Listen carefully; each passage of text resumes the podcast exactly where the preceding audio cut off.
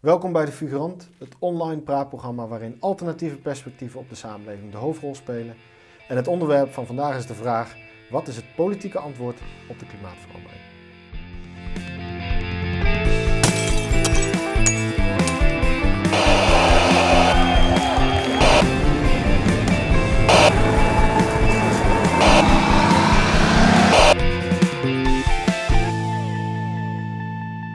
Het is een feit waar we niet langer omheen kunnen. Het klimaat verandert en daarmee de wereld om ons heen ook.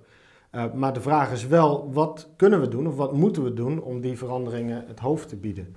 En waar ligt dan precies de sleutel uh, tot een oplossing? Ligt dat bij economische verandering of technologische verandering? Of zijn er ook meer sociale en politieke initiatieven nodig om het tij te keren? Daar ga ik het vandaag over hebben met twee gasten. Uh, Marijke Kolle, helemaal uit Vlaanderen, bioloog en feminist en uh, lid van de uh, SAP, Stroming voor een Anticapitalistisch Project. En Jos Reinhout, oud gemeenteraadslid van de, voor GroenLinks in Nijmegen en werkzaam voor MVO Nederland.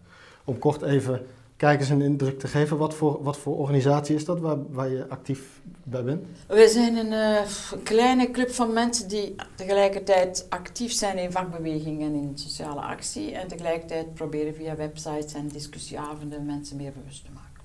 Zo kan ik het beschrijven. Ja, prima. En, en, en Jos, uh, uh, MVO Nederland, wat voor organisatie? Uh, MVO Nederland is een, een, netwerk van bedrijven. Er zijn ongeveer 2500 Nederlandse bedrijven die partner zijn bij ons. Of lid, wordt het ook wel genoemd. Um, en dat zijn allemaal bedrijven die iets willen met maatschappelijk verantwoord ondernemen. Nou, sommige zijn echt koploper, die lopen voorop, ver voorop op de troepen soms. Een groot deel is middenmotor en er zijn ook een paar achterblijvers in ons netwerk. Maar de echte achterblijvers die worden natuurlijk geen partner van MVO Nederland. -hmm als we het dan hebben, hè, jullie zijn allebei van, vanuit verschillende invalshoeken met klimaat bezig um, en met klimaatverandering. Natuurlijk, dat het klimaat verandert, dat is gewoon algemene kennis tegenwoordig. Het wordt door sommigen ontkend, maar goed, daar, daar, is, daar is geen enkele grond voor. Dus dat is over het algemeen iets wat, wat, wat, we, wat we voor kennis kunnen aannemen. Tegelijkertijd uh, is de vraag, wat, hoe, hoe, ver staat het eigenlijk met die klimaatverandering? Wat is de status quo op dit moment? Hoe, uh, hoe, hoe, uh, uh, hoe nodig, hoe ernstig is de situatie eigenlijk? Ja, ik denk dat de situatie zeer ernstig is. Wat de consensus nu is bij de internationale wetenschappelijke gemeenschap, is dat de broeikasgassen, de fossiele brandstoffen, de oorzaak zijn van een stijging van uh, de wereldtemperatuur, de globale temperatuur, die nu al zeker 1 graad Celsius is. De schattingen van de wetenschappers zijn conservatief. En wat zien we? Dat op dit ogenblik die opwarming versnelt. Uh, het afsmelten van de Zuidpool bijvoorbeeld gaat veel vlugger dan men ooit gedacht heeft. En dat betekent dus dat de zeespiegel uh, zal stijgen de komende 50, 60 jaar. En dat heeft gevolgen voor heel veel steden die aan de kust gelegen zijn. Aan de andere kant zijn de gevolgen van die klimaatopwarming voelbaar in de landbouw. Um, en in uh, biodiversiteitscrisissen en in uh, extreme weersomstandigheden. Van tyfonen tot extreme droogtes zoals nu in Zuid-Afrika. Dus het is zeer ernstig te nemen. En de emissies van die broeikasgassen dalen niet op dit ogenblik. Daar zitten we mee. Dus het is wellicht ernstiger dan Zeker. we ons over het algemeen op dit moment ja. realiseren. Het is echt heel ernstig, ja, uh, dat klopt. En uh, ik zie nog niet direct dat het direct uh, de andere kant op gaat. Het leidt natuurlijk tot uh, zeespiegelstijging, het afsmelten van poolkappen. Het leidt ook tot heel veel sociale problemen. Er zijn steeds meer mensen die denken dat bijvoorbeeld uh, de vluchtelingenstromen in de wereld ook mede veroorzaakt worden door klimaatverandering. Omdat landbouwgronden niet meer genoeg opbrengen. Mm-hmm. En de mensen moeten toch eten, dus dan gaan ze ergens heen. Dus de mensen, de dieren, uh, iedereen raakt op drift. Nou, dat is verschrikkelijk. Ja, dat is een, echt een van de grote problemen van deze tijd. Als we dan gaan kijken naar want op zich natuurlijk, hè, zoals gezegd, dat het klimaat verandert is, is niks nieuws. Dat horen we voortdurend overal.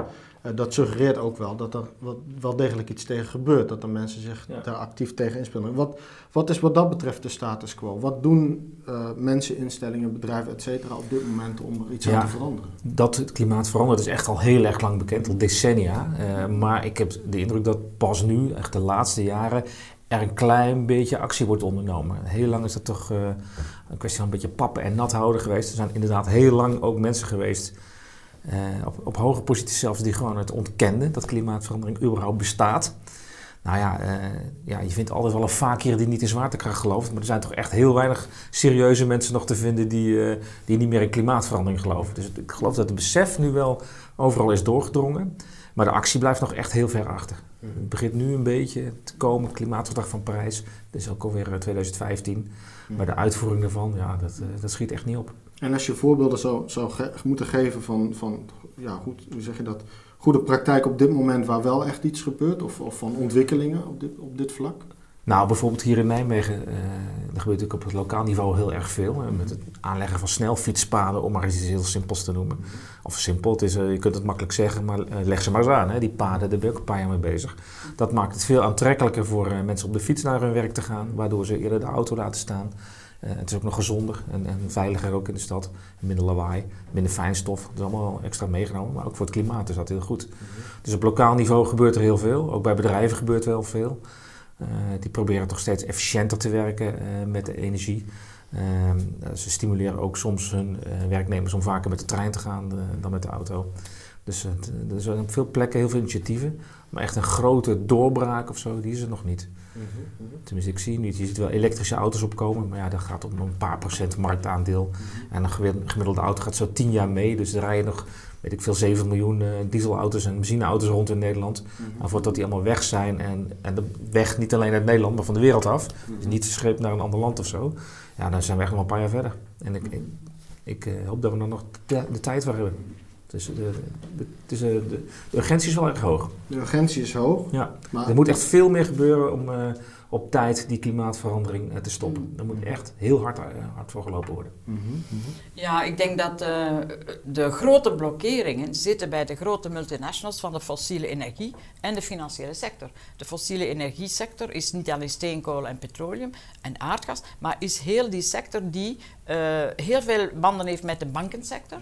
En die alle winst die er nog te halen wordt, halen, die ze nog kunnen halen uit fossiele brandstoffen, zullen willen halen. Denk aan de uh, de, de bitumenzanden in Canada. Denk aan uh, de fracking, het, het schaal, schaliegas exploiteren. Dat zijn dus extreem schadelijke praktijken die toch gebeuren omdat daar winst uitgehaald wordt. En om die beweging te stoppen, zal het niet volstaan om inderdaad goede fietspaden te maken, zal het niet volstaan zonnepanelen op de daken te zetten, maar moeten we gewoon af van de koolstofproductie, van de emissies. En daarvoor moeten we dus desinvesteren in de fossiele brandstoffen en investeren in alternatieve energie. En daar is de beweging veel, veel, veel te traag, omdat de tegenkrachten zeer groot zijn.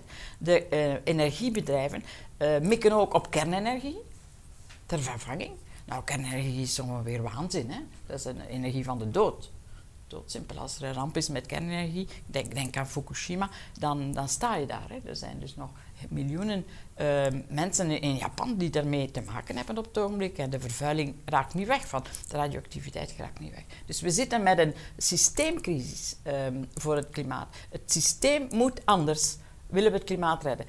En het moet ook anders voor, omwille van de slachtoffers. Dus er moet andere landbouw komen. Er moet organische landbouw komen en geen chemische landbouw die ook van de fossiele brandstoffen afhangt. Ja, mee eens. We moeten gauw mogelijk van die fossiele brandstoffen af. En er zijn natuurlijk inderdaad hele grote multinationals die daar heel veel geld mee verdienen. Uh, ja, die zitten dwars. Die gebruiken al hun macht en al hun invloed. En dat is veel om, uh, om deze beweging tegen te werken. Maar ik denk toch dat het niet uh, zal gaan lukken. Ik denk toch dat, dat, dat de verliezende partijen zullen zijn op termijn.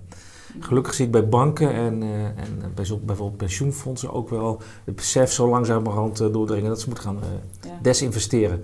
Mm. als je eerlijk bent over klimaat, dan betekent dat gewoon dat je, op, dat je van de olie af moet. Dat is echt geen andere optie. Af van de olie, af van het gas en dat fracking, dat, dat moet gewoon weg. En als je dat hardop durft te zeggen, ook als investeerder, ja, dat betekent dat je daar dus niet voor langere termijn je geld in gaat stoppen. Uh, het is ook weer niet zo gemakkelijk om het van vandaag op morgen uh, eruit te halen. Mm. Want die bedragen zijn zo gigantisch, die zijn zo waanzinnig groot. Uh, dus je kunt niet van vandaag op morgen al je fossiele investeringen stoppen. Mm. Maar er wordt natuurlijk wel aan gewerkt. Daarom heb je dus een echte geplande transitie nodig. Ja. Waarbij de beslissingsmacht niet meer bij die privé-investeerders ligt. En daar zit dan een knoop natuurlijk. Nou, wie moet het dan doen? Publiek op de publieke machten en collectieven. Nou, Dus- daar, geloof ik, eh, daar heb ik geen vertrouwen in. Als ik Ah. zie eh, wat voor eh, president de Verenigde Staten heeft gekozen, democratisch, Mm. denk ik, nou, dat is echt de laatste man aan wie ik de energietransitie zou eh Ja, dus, dus een, een publieke macht in de zin van niet een privé-investeerder voor zijn privé-winst en voor beursspeculatie, maar Ja. bewegingen, collectieve bewegingen en inderdaad een desinvesteringsbeslissingen, zoals Ja. gebeurd is met het, tegen het apartheidsregime in Zuid-Afrika Ja. en zoals opgeroepen wordt tegen de sionistische staat Israël. Ehm, dus desinvesteren en collectieven maken waarbij de mensen zelf kunnen beslissen wat er in hun regio gebeurt. In Gent bijvoorbeeld, een stad te vergelijken met Nijmegen, een beetje groter denk ik, eh, heel veel openbaar vervoer, heel veel fietspaden. En plannen om de gebouwen eh, energiezuinig te maken, openbare gebouwen enzovoort. Maar de grootste kerosenevoorraden van West-Europa voor de vliegtuigindustrie staan in het noorden van Gent. Die investering wordt niet afgebouwd. Maar de grote Volvo-bedrijven, Volvo-auto's, staan in Gent. Ja. En die gaan zogezegd elektrische auto's maken. Maar wie gaat de energie produceren voor die elektrische auto's? Dus, dus de vraag is eigenlijk, oké, dat, dat lijkt ook, dat zijn, zijn jullie het over eens. Uiteindelijk zul je stelselmatig moeten desinvesteren Absoluut. in industrieën die Ja. schadelijke gevolgen hebben. Maar de vraag is wie gaat dat doen? Mhm. En, en op welke basis Ja. Kan dat, kan dat op, korte, op korte termijn, want we hebben het uiteindelijk over iets wat op korte termijn een Ja. antwoord Ja. behoeft. Hoe gaat dat op korte termijn gedaan worden? Wat, wat zou jouw antwoord daarop zijn? Nou ja, eh, kijk, eh, eh, als, ik een, als ik een particuliere investeerder was, ik zou mijn geld gewoon niet in oliebedrijven stoppen. Want dat, dat is ten dode opgeschreven. Dat, is niet alleen een economisch verhaal, waar je steeds meer over leest, hè, die carbon bubble. En dat is, dat, is, Ja. dat is ook wel een bekend verhaal onder, in de financiële sector. Maar het heeft ook een moreel-ethische component, vind ik. Ik vind dat je gewoon eh, niet te veel geld moet stoppen in, eh, in hele slechte dingen. Eh, hetzelfde geldt voor overigens voor intensieve veehouderij. Zou ik ook niet graag in investeren als, Ja. als ik geld had. Ook niet in, de- in de wapenindustrie en zeker niet in de olieindustrie. Als het gaat om klimaat moet je dat zeker niet doen. En er zijn natuurlijk hele grote potten met geld in Nederland. Bijvoorbeeld bij pensioenfondsen. Die uiteindelijk eh, beheerd worden door, door een collectief. Hè, waar je een groot voorstander van bent. Mhm. dus iedereen die eh, meedoet aan een collectief pensioenfonds, die kan zijn, zijn pensioenfondsbestuur aanschrijven Mhm. en eh, naar vergaderingen gaan en daarop aandringen dat er gedesinvesteerd wordt. En gelukkig gebeurt dat ook. Mhm. Dat gebeurt ook. De vraag is, eh, zo'n zo'n zo'n zo'n zo'n desinvesteringsstrategie, eh, leunt die wat dat betreft niet te veel op het initiatief dan van individuele consumenten of van eh, private bedrijven specifiek? Ik zou niet zeggen dat dat eh, leunt op, eh, op individuele bedrijven. Nee, dat, dat zijn juist heel goed georganiseerde financiële instellingen. eh, met, met soms honderden miljarden aan beleggingen. Dat zijn niet de individuele consumenten die daar aan de touwtjes trekken. Dat is allemaal netjes eh, georganiseerd in pensioenfondsbesturen. Die dat weer uitbesteden aan pensioenuitvoerders en dergelijke. Dus, eh, En ik denk ook dat Dus het, moet veel zal moeten, worden. ja, het zal moeten gedragen worden door een brede sociale beweging. Als iemand zoals Naomi Klein, die toch wel voor mij een van de meest interessante eh, mensen is om te spreken over wat we kunnen doen. Zij zegt we moeten blokkeren. Blokkadia noemt ze dat. Dus de, de Ja. Dakota, Dakota Pipeline blokkeren. De plannen voor de luchthaven in Notre-Dame-des-Landes in Frankrijk is nu weg. Ja. Door de blokkades. En dus een burgerbeweging die tegelijk- tegelijkertijd een sociale actie en directe actie heeft, maar ook een beweging die werknemers in de bedrijven aanspreekt. En ik Ja. denk dat daar de grootste moeilijkheid zit voor ons. Dus mensen in de kernwapens, in de kerncentrale eh, sector, mensen in, eh, in de chemische, chemische sector, de petrochemie in Antwerpen zijn duizenden mensen, die moeten overtuigd worden. En de arbeidersbeweging moet overtuigd worden. Willen we slagkracht hebben? Ja. Het is het specifieke belang daarvan, dat je inzet op het overtuigen van werknemers of van... dat zij de industrie kunnen blokkeren. En dat zij kunnen eisen dat er een, een reconversie komt. Mhm. Zij hebben potentieel hè, in de geschiedenis van de arbeidersbeweging de, de macht om het radenwerk stil te zetten. Ja. Maar dus eh, binnenin de vakbeweging heb je twee dingen. Je hebt een internationale vak, ITUC, eh, vakbeweging die zegt uh, we moeten iets doen aan het klimaat. En die zijn voor energiedoestelling en voor een energietransitie en uitstap. Maar met behoud van uh, de werkstelling en reconversieplannen. Want de mensen gaan natuurlijk niet zeggen, ik wil die steenkolencentrale waar ik werk, ik wil die wel stopzetten en laat mij maar werkloos zijn. Nee, je moet dus alternatieve plannen hebben. Ja. Nou ja, ik, ik, hoop dat de vakbeweging dat ook gaat doen. Want uh, ik ben al 25 jaar lid, uh, ik ben al 25 jaar lid van de vakbond.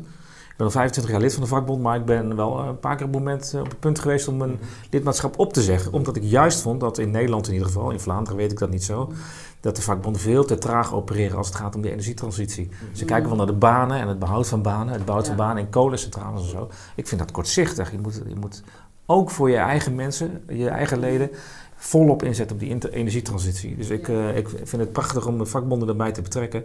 Maar laten we er alsjeblieft niet op wachten, zeg. Uh, er, zijn, er zijn heel veel slimme en, uh, en intelligente en betrokken mensen in, gewoon in bedrijven... die minstens net zo invloedrijk zijn als de, als de vakbonden. Mm -hmm. ik, als het gaat om slagkracht zou ik daar liever mijn energie op richten. Ja. Mm, ik denk dat uh, de vakbeweging een trage beweging is. Een beweging die beheerst wordt door een bureaucratische laag die haar baantjes laat afhangen, afhangt van de tewerkstelling die ze kunnen garanderen. Ja. En tewerkstelling op korte termijn betekent dat je geen reconversie doet. Dat is zeker zo. Maar aan de andere kant uh, denk ik dat um, een beweging, als ze uh, slagkracht heeft in de maatschappij, ook haar weerklank zal hebben in de vakbeweging. Ja. En dat dan collectieven en individuen de kansen moeten krijgen in die vakbeweging om dat uh, verder te stimuleren. Het probleem is ook dat in de bedrijven heel veel goede wil kan aanwezig zijn, zoals jij zegt, in een aantal bedrijven, maar dat uiteindelijk waar het om gaat is dat het bedrijf winstgevend moet blijven. En als dat in het gedrang komt, dan... Uh, ja, maar ik denk dus dat je die winstgevendheid prima kan uh, handhaven, misschien zelfs beter, zonder fossiele energie. Je hebt niet per se fossiele brandstof nodig om om een auto te laten rijden. Er zijn, er zijn voorbeelden dat je ook elektrisch kunt rijden. Mm. Die zijn er genoeg inmiddels.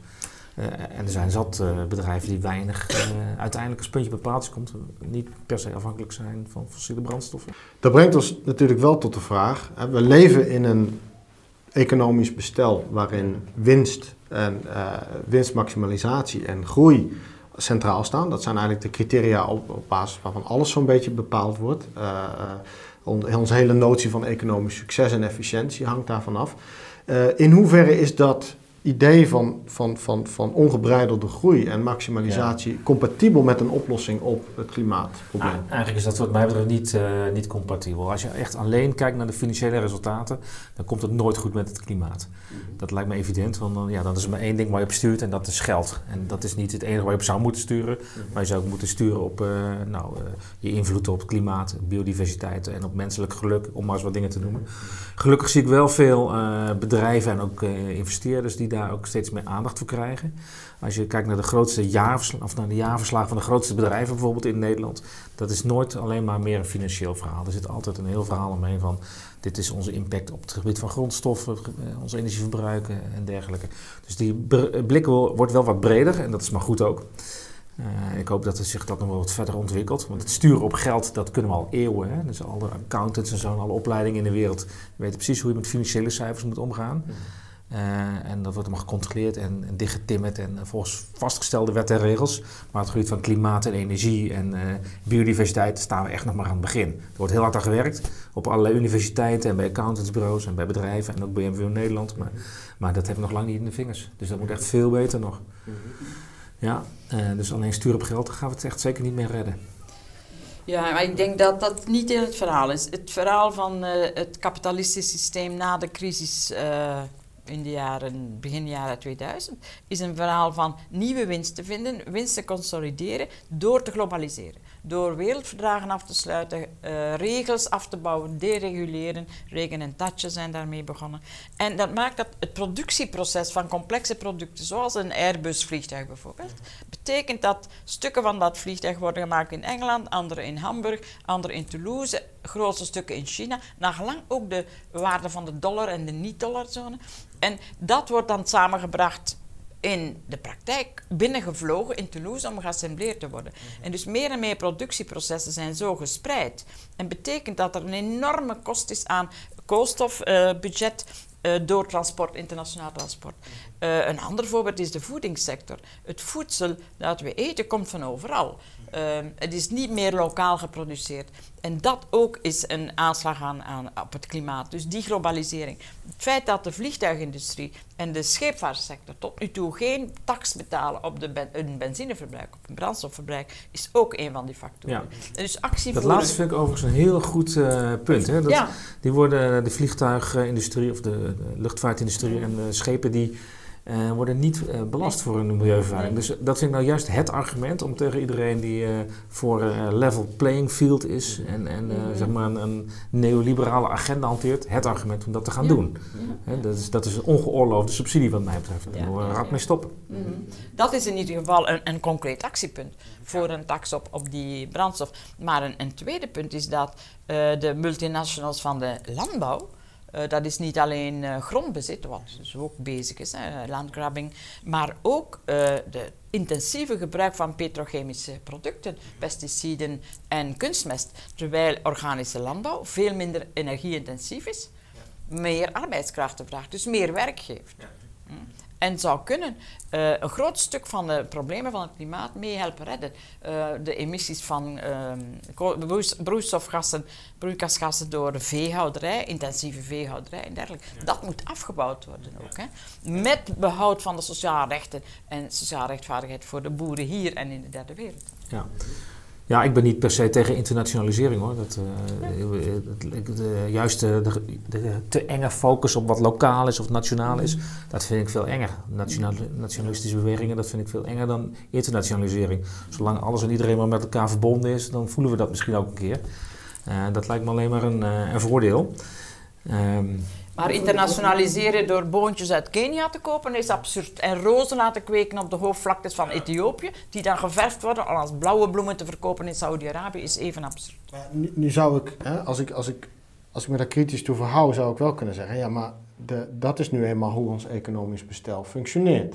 Hè? Mm. Gaan we, gaan we uh, uh, dat soort problemen oplossen zonder te gaan naar, het kern, naar de kern van hoe onze economische, ons economische systeem uiteindelijk in elkaar zit. Met andere woorden, is het mogelijk om na te denken over, een, over kapitalisme, om het maar even zo te noemen, waarin niet alleen winst centraal staat? Of moeten we dan, moeten we dan echt denken over een andere, uh, impliceert dat een andere visie op de samenleving als geheel of op economie als geheel? Nou ja, als je echt een, een ouderwetse kapitalist bent, een ouderwetse neoliberaal, dan, dan wordt het heel moeilijk om dat allemaal met elkaar te gaan rijmen. Mm-hmm. dat, uh, dat lijkt me echt een hele intellectuele uitdaging. Maar ik, ik, denk dat het heel goed mogelijk is om ook prijzen te gaan berekenen voor uh, zo heet dat dan in onze vaktermen, voor externaliteiten. Nu is het gewoon gratis om CO2 de lucht in te spuiten. Uh, de, de, atmosfeer is eigenlijk een soort open riool. Mhm. Dat is belachelijk. Uh, als ieder, iedere burger die moet ook betalen voor het ophalen van zijn huisvuil. Dus mhm. waarom zou een bedrijf niet moeten betalen voor de schade die die veroorzaakt aan het milieu? Dus dat is een heel uh, ouderwetse manier van redeneren. Hè. De markt gaat het oplossen. Je gaat uh, dingen die je niet wilt zwaarder belasten, mhm. bijvoorbeeld CO2-emissies. En dan zal de markt ervoor zorgen dat die CO2-emissies omlaag gaan. Dus dat is op zich geen grote denkstap. Wat je wel nodig hebt is iemand die zo stoer is en zo dapper is om dat ook daadwerkelijk te gaan doen. Hè. Daar mankeert het nog een beetje aan. Dus, dus jij zegt bepaalde correcties op de markt zijn nodig? ja, en forse correcties op de markt. Ja, want nu, nu wordt er gewoon nooit betaald voor, uh, voor schade aan ecosystemen of aan het klimaat of, uh, of uitbuiting van arbeiders. Dat komt gewoon veel te vaak voor en veel te veel bedrijven komen er te gemakkelijk mee weg. Ja. Maar je hoeft niet te zeggen uh, dat het hele kapitalisme daarmee een uh, totaal onwerkbaar systeem is. Dat werkt al eeuwen vrij goed. Mm -hmm. voor sommige mensen werkt het in ieder geval goed. Maar nu is de uitdaging om dat zodanig te, te hervormen, radicaal te hervormen, drastisch te hervormen, dat, dat, je, dat, dat je die externaliteiten niet meer zo hebt. Marijke, ik ben het daar helemaal niet mee eens. Het kapitalisme bestaat niet al eeuwen en eeuwen. Het kapitalisme, geglobaliseerde industriële kapitalisme, bestaat 250 jaar. Nou ja, dat zijn toch 250 jaar, dat is niet eeuwen en eeuwen. Ons klimaat bestaat al eeuwen en eeuwen. Na de laatste ijstijd, ongeveer 12.000 jaar geleden, uh, hebben we de huidige situatie. Maar wat het kapitalisme gedaan heeft, is alle bestaande ecosystemen vernietigen. Vergeet niet, 500 jaar koloniale geschiedenis, dat is de oorsprong van de zaak, is ook 500 jaar milieuvernietiging. Daar heb je oh reisverhalen vanaf de 17e eeuw over. En het kapitalisme vandaag is niet in staat de landbouw terug organisch te maken en in belang van de, van de boeren. Elke landbouwhervorming die geprobeerd is op grote schaal, is een kapitalistische landbouwhervorming geweest. Denk aan India, de, de groene revolutie. Sovjet-Unie. Ja, even slecht. Even ja. slecht, grootschalig, mechanistisch. Dat was niet direct een kapitalistische nee, aanpak. Nee, dus maar daar ligt het niet het aan, zou ik zeggen. Het, het, ligt er wel aan in de zin dat zij de productivisme van de kapitalistische landbouw nabootsten en illusies hadden daarin. Plus dat er ook geen sociale controle was. Maar als je ziet dat in India op dit moment miljoenen boeren zelfmoord plegen omdat ze schulden hebben. Ja. Hè? Dus de landbouw is fundamenteel in crisis. Ehm, ik denk dat een globale aanpak, bijvoorbeeld van de idee van publieke sector, Ja. met alle kritiek op bureaucratisering daarvan, kan een publieke sector een gemeenschappelijk goed zijn voor iedereen. Waarom kunnen we niet actie voeren voor gratis openbaar vervoer en dan de auto afbouwen? Ja, je Dus daar dat er een sociaal ja. alternatief is. Ja. Ik denk dat we in die richting moeten denken. Dat we moeten denken in het, het terug gemeenschappelijk maken van een aantal zaken. Zoals een pri- geen privé-gezondheidsdiensten, maar publieke gezondheidsdiensten. Gratis onderwijs en kansen voor iedereen. Eh, huizen. Waarom zijn zoveel duizenden mensen in de Verenigde Staten en later in andere landen, zoals in Spanje, uit hun huizen gezet? Ja. Omdat de winst niet Dus als, als ik je was. goed begrijp, zeg je eigenlijk het beginpunt of de kern van een, een, een groene politiek ligt bij sociaal-economische Structurele bij maatregelen, ja. Sociale maatregelen. Nou ja, eh, kijk, over de doelen zijn we het wel eens. Hè? De, de- dat is ook helemaal niet zo eh, vreemd. Want iedereen wil een mooie, ideale wereld waar, waar het klimaat niet, eh, klimaat niet bedorven wordt. En de dieren en planten goed kunnen leven. en dergelijke. De- Over de doelen zijn we het eens. De route om daar te komen, daar verschillen we misschien wel van mening over. Ik heb gewoon niet zoveel vertrouwen in, in, eh, in de kracht van de overheden of van vakbonden of maatschappelijke bewegingen. Dat, die moeten ook hun ding doen. Maar ik vind niet dat je bedrijven buiten schot mag laten. Die moeten ook hun ding doen. En dat, daar zijn ze zelf verantwoordelijk voor. En als ze dat op een slechte manier doen, dan verdienen ze, dat, verdienen ze afgestraft te worden eh, op de markt. In eerste instantie, want eh, beleggers die, die kunnen met hun geld heel goed sturen. Of door consumenten. En als ze uiteindelijk niet willen luisteren, dus doorgaan met eh, onwenselijke praktijken die we maatschappelijk onwenselijk vinden, ja, dan, dan op een gegeven moment moet er wetgeving komen. Maar ik zou nooit aan de kant van de wetgeving beginnen, want dat slaat heel veel innovatie dood. En dan gaan bedrijven alleen maar eh, op zoek naar de mazen in de wet. Dat is het paard achter de wagen spannen. Ik denk dat inderdaad de individuele bedrijven niet het onmiddellijke doel is, maar dat er een maatschappelijk debat moet zijn, gedragen door een milieubeweging, dat het heeft over wat wensen we nu eigenlijk in onze We maatschappij. weten toch wat we wensen? En Nee. Daar zijn er geen. Daar is niet De, veel een draagvlak over. voor gratis openbaar vervoer en een politieke actie daar rond, daar zal de automobielindustrie tegen zijn. Ik kan, garandeer je dat. Ja. Eh, een draagvlak voor terug een openbare gezondheidsdienst die die naam waardig is en niet een speelveld voor de multinationals van de farmaceutische nijverheid. Ja. Reglement en openheid, ehm, eh, prijsbepalingen van geneesmiddelen, eh, die dingen hangen samen met een milieubeleid. En ik denk dat daar de krachten zullen botsen. En laat ons zeggen, oké, ik geloof als, wat jij zegt dat in een aantal bedrijven mensen nadenken. Hè? Ze zijn niet gek, hun kinderen zijn ook slachtoffer van de milieucrisis. Daarom. En laat ze dan voorstellen doen. Maar wie beslist daar uiteindelijk over? De technici, de wetenschappers of de gemeenschap? Of de politici. Nee hoor, die politici gaan helemaal niet over wat in bedrijven gebeurt. Politici die hebben, die hebben een behoorlijk mandaat. Ik ben zelf eh, gemeenteraadslid geweest. Maar er zijn ook heel veel dingen waar de politiek gewoon niet over gaat. Dan kun je wel willen dat, dat, dat de politiek iets doet aan die bedrijven. Maar ze gaan er niet over. Daarom zou ik zeggen, laat de politiek doen wat de politiek kan doen. Laat vakbonden doen wat zij kunnen.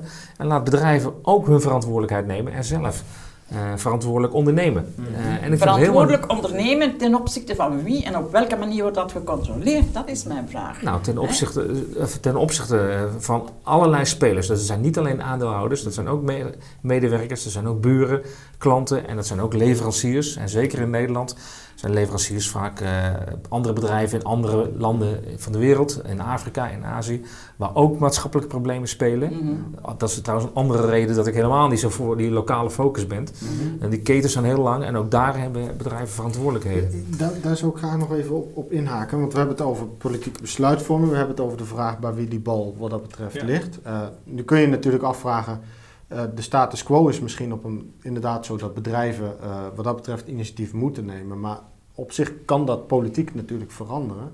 Ehm, de vraag is dan vooral op welk niveau dat zou moeten. Hè? Want we hebben het aan de ene kant over de lokale consequenties van klimaatverandering. Aan de andere kant, zoals jij ook al eh, benadrukt hebt, uiteindelijk heeft zowel eh, klimaatverandering als de oorzaken van een belangrijke globale dimensie. Mhm. Op welk niveau moeten we een antwoord, een politiek antwoord, of een, ook een antwoord, een economisch antwoord Ja. wellicht, op klimaatverandering gaan vinden? Is dat een lokaal niveau? Nou, is dat een Ik globaal denk niveau? dat dat, dat is een, eh, een eh, discussie, daar hebben we de luxe niet voor om die te voeren.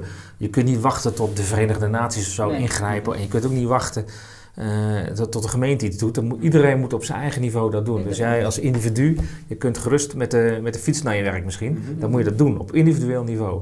Eh, maar dat ontslaat de gemeente er niet van om toch nog die fietspaden aan te leggen.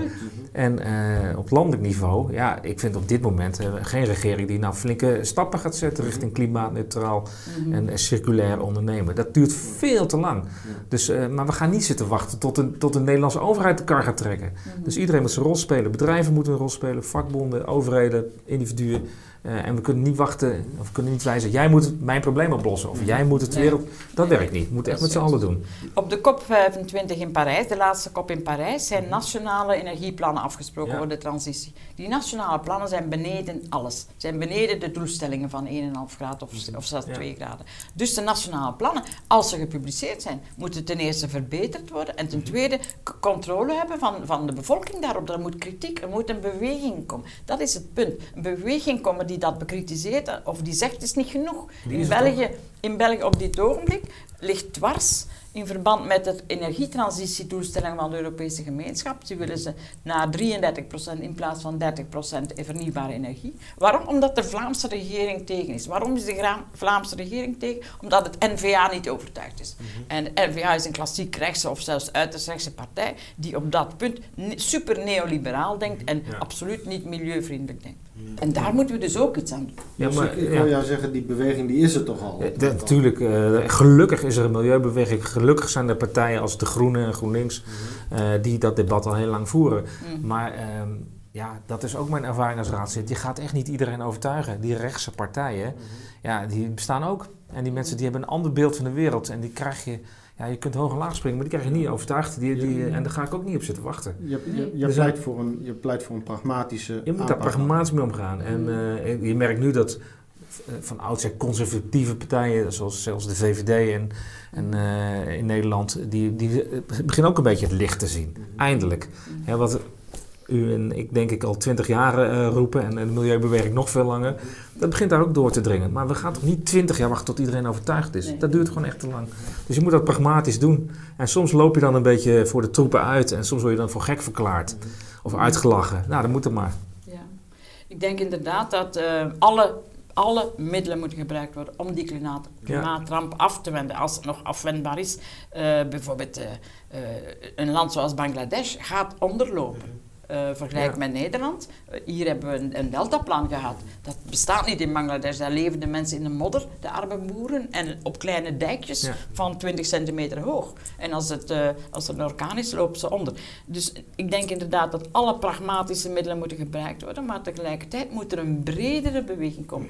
Wij gaan in België nu oproepen om op 12 november, denk ik, de datum, een nationale staking te doen voor het klimaat een staking als een burgerbeweging die mhm. zowel vakbonden probeert ja. daarbij te betrekken, werkplaatsen, als jeugdbewegingen, als werklozencomité's enzovoort. Mhm. Een staking voor het klimaat van symbolisch één uur. Zoals de vrouwen gestaakt hebben vorig jaar. Tegen het geweld op vrouwen. Ik denk dat zo'n bewegingen, dat is mijn manier om daaraan te denken, uh, ook een stap vooruit kunnen zijn die het bewustzijn veranderen. Mhm. uh, zelfs bij stemmers op NVA.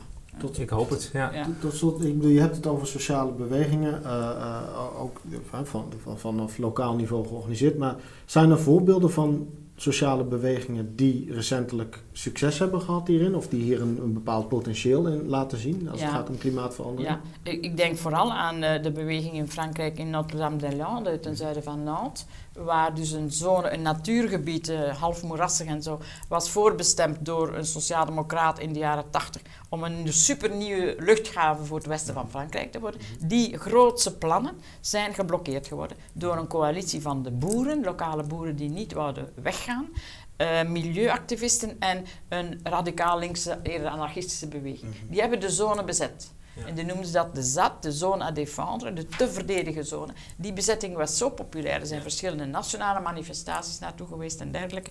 En de regering Macron heeft dus gezegd, we gaan het dus niet doen. Want eigenlijk is het een waanzinnig project. Mhm. En dat is een overwinning. Tegelijkertijd wil de staat zijn prerogatieven houden van uh, controle. Dus zijn alle mensen die daar zijn gaan leven mhm. in nieuwe levensgemeenschappen, zijn verjaagd nu door eh, de, de progressieve, zogenaamde progressieve Macron. Mm is niet van zijn schoonste kant, maar het is een overwinning. Mhm. Ehm, en dergelijke overwinningen tellen. Uh, overwinningen tegen grootschalige, absurde betonprojecten, Mhm. overwinningen tegen kernenergie zijn belangrijk uh, om de milieubeweging en dus ook de klimaatbeweging meer zelfvertrouwen te geven, meer actiemiddelen en meer populariteit. Ja. Ja, ik ben blij dat dat soort uh, succesverhalen er zijn, want die heb je echt nodig. Ja. Uh, anders word je wel heel erg ontmoedigd. Uh, dus ik, ik, hoop ook dat die volgende staking voor het klimaat ook zo'n succes Mhm. wordt. Maar ja, tegelijkertijd blijf ik er maar op hameren dat ook mensen die niet gevoelig zijn voor zo'n middel, toch aan te spreken zijn Ja. op, op hun verantwoordelijkheden op Absoluut. andere manieren. Ja. Ja. Bijvoorbeeld ook op vlak van de gezondheid. Uh, de pesticidengebruik in de voeding, die, Ja. dat in de voeding terechtkomt. Mensen gaan meer en meer organisch kopen. Mhm. De idee om minder vlees te eten. In België is de laatste drie jaar de vleesconsumptie met 16% gedaald. Dat is een aanzienlijk aantal. Waarom? Omdat er veggie-dagen werden ingevoerd, de veggie-donderdag. En omdat er campagne is gevoerd door bekende mensen en zo verder. En dat lukt. Dus je kan mensen daarvan overtuigen. Zeker als het gaat over je eigen Ja. gezondheid, de gezondheid van je kinderen, de kwaliteit van het eten op school, bio-organisch voedsel op school. En geen junk uit uh, weet ik veel welke uh, groot warenhuis en dergelijke. Daar zijn echt wel veel initiatieven. Ja. Om kort te gaan, als ik jullie zo hoor, er zijn duidelijke accentverschillen, maar tegelijkertijd zeggen jullie beiden, het is, er is niet één antwoord op. Er Nee, is je hebt alles nodig. Je hebt alles nodig. Je hebt, je verschillende- hebt de, de stakingen nodig uh, door maatschappelijke organisaties, maar tegelijkertijd uh, heb je ook bij uh, grote institutionele beleggers slimme investeerders nodig die kunnen doorrekenen wat het nou gaat kosten, die carbon bubble. Mhm. Dus de- waarom je moet die, die investe- je, je investeringen in carbon, in olie daaruit moet halen. Die heb je ook nodig. Die staan misschien niet voor op straat Mhm. te demonstreren, maar die doen achter het scherm op kantoor ook goed werk. En Ja. ik denk niet dat je de een eh, is niet eh, Nee, precies. Je hebt ze allebei nodig. Oké. Gelukkig. Dat lijkt me op zich een mooie conclusie om nu mee te eindigen. Het biedt in ieder geval heel veel verschillende perspectieven op mogelijke antwoorden op klimaatverandering. En daar houden we het eh, voor vandaag in ieder geval bij voor deze uitzending van De Vierhand. Hartelijk dank voor het kijken en tot een volgende keer.